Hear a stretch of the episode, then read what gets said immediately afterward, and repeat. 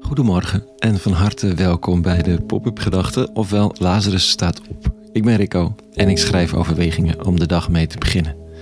Vandaag met de titel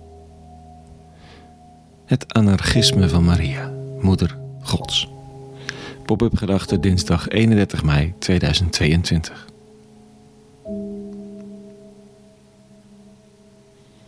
Ze wordt bijna altijd devoot afgebeeld, met een mijmerende blik in de verte of neergeslagen ogen.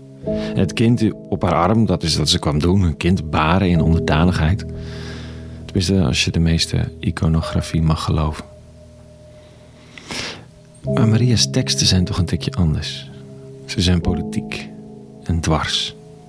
En is het niet anarchistisch, dan tenminste revolutionair.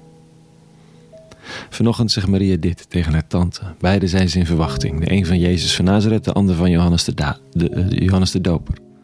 Ze zullen een nieuwe wereld baren, met alle pijn en vreugde die daarbij hoort.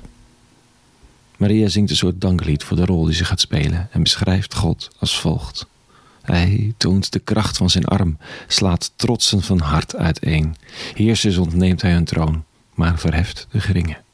Behoeftigen schenkt hij overvloed, maar rijken zendt hij heen met lege handen. Jaren geleden kreeg ik een linoleumprint van Maria. In een tattoo-achtige vorm, in een zwarte ovaal, stond daar Maria met haar voet op een slang en een doodshoofd. En met deze tekst: Heersers ontneemt hij hun troon. Hij verheft de geringen. Behoeftigen krijgen overvloed. Rijken stuurt hij weg met lege handen. Hm. Revolutie, omkering, de wereld op de kop. Dat is waar Maria voor staat.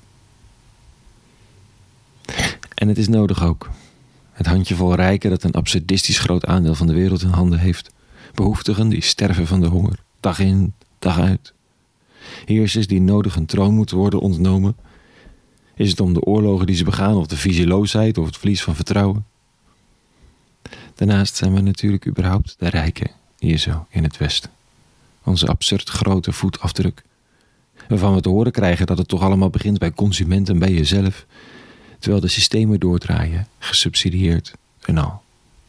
Je begint toch werkelijk te bidden om omkeringen van Maria-achtige proporties. Hij liet eindigt met: Hij trekt zich zijn dienaar Israël aan, zijn milde erbarming en dachtig, zoals hij de Vader heeft beloofd, voor Abraham en zijn geslacht voor altijd.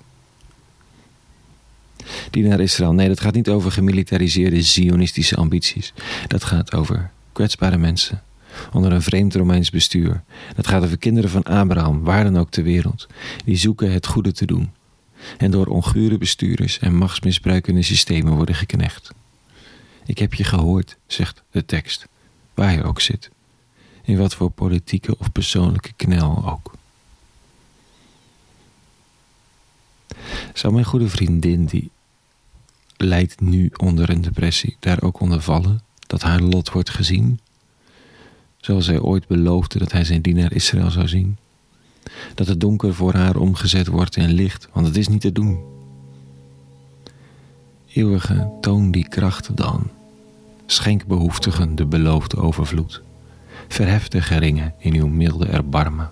Het is zo nodig. Zelfs staan we met een mond vol tanden over wat we met elkaar steeds weer presteren. Red ons van onszelf, van elkaar opdat we weer leren, liefhebben en samenleven. Ook al is het dan de drie miljardste keer.